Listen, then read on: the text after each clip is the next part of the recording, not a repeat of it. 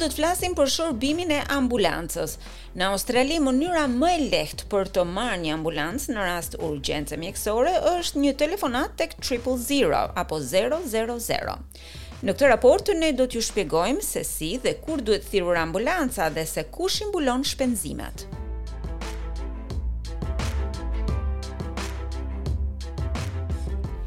Ambulancat janë automjete të pajisura për të ofruar kujdes urgjent për njerëzit e sëmurë ose të lënduar dhe për t'i transportuar ata në spital nëse është e nevojshme. Doktor Simon Sawyer është paramedik i regjistruar dhe drejtori i arsimit në Kolegjin Australian Paramjekësor.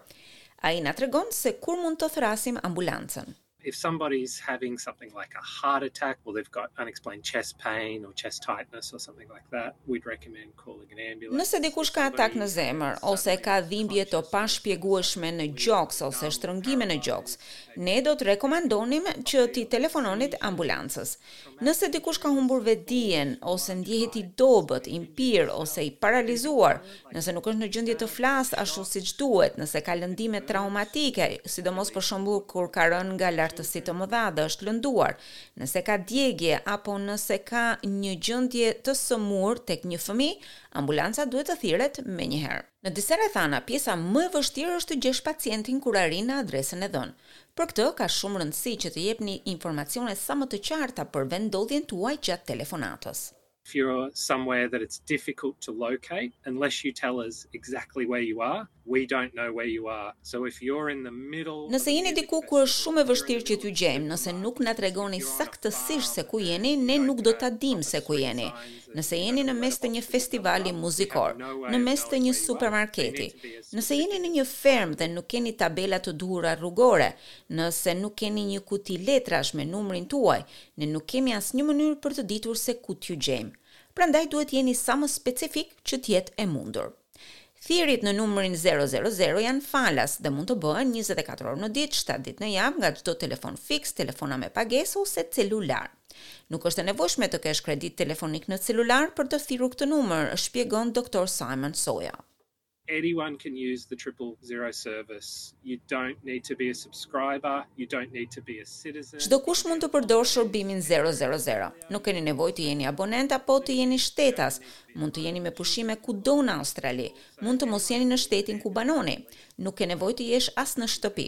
Fëmijët mund të telefonojnë, të rriturit mund të telefonojnë. Kushdo që ka nevojë për një ambulancë, polici apo zjarrfikës duhet të drejtohet në numrin 000. E nëse keni paaftësi në folje ose në dëgjim, ka një numër tjetër që jo shumë njerëz e dinë. Një, zero, gjashtë, është një shërbim i bazuar në tekst për të cilin mund të përdorni. Dhe nëse nuk flisni anglisht, mund të telefononi duke thënë fjalën ambulancë e më pas shërbimi gjen përkthyes për ju. Personi që i përgjigjet thirrjes suaj do t'ju bëjë disa pyetje për të vendosur nëse situata është urgjente. Doktor Sawyer thotë se ka shumë rëndësi nga mënyra se si i përgjigjeni këtyre pyetjeve. They'll ask you what the actual problem is. So again be as specific as possible. Speaking as a paramedic, it's important for me to know. Shërbimi do t'ju pyesë se ku është problemi dhe në përgjigjen tuaj duhet të jeni sa më specifik që të mundeni. Duke folur si mjek, ju them se ka shumë rëndësi që të dimë sa më shumë rreth situatës.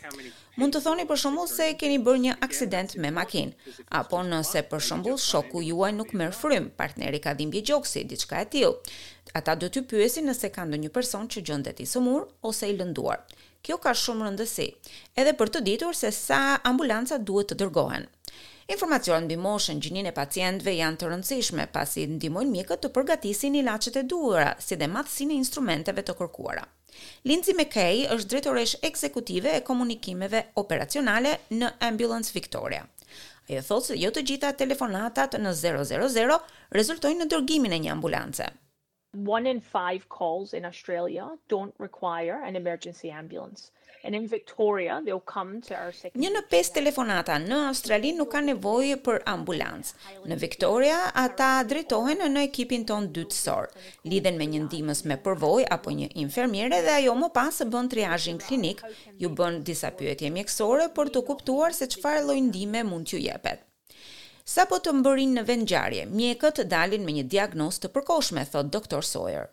We're experts in out of hospital emergency health. We'll ask you about your symptoms. Ne jemi ekspertë në shëndetin e urgjencave jashtë spitalit.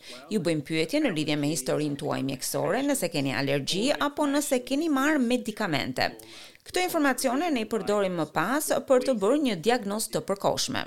Zakonisht, ambulanca ju çon në spitalin më të afërt, megjithatë, kjo nuk ndodh gjithmonë.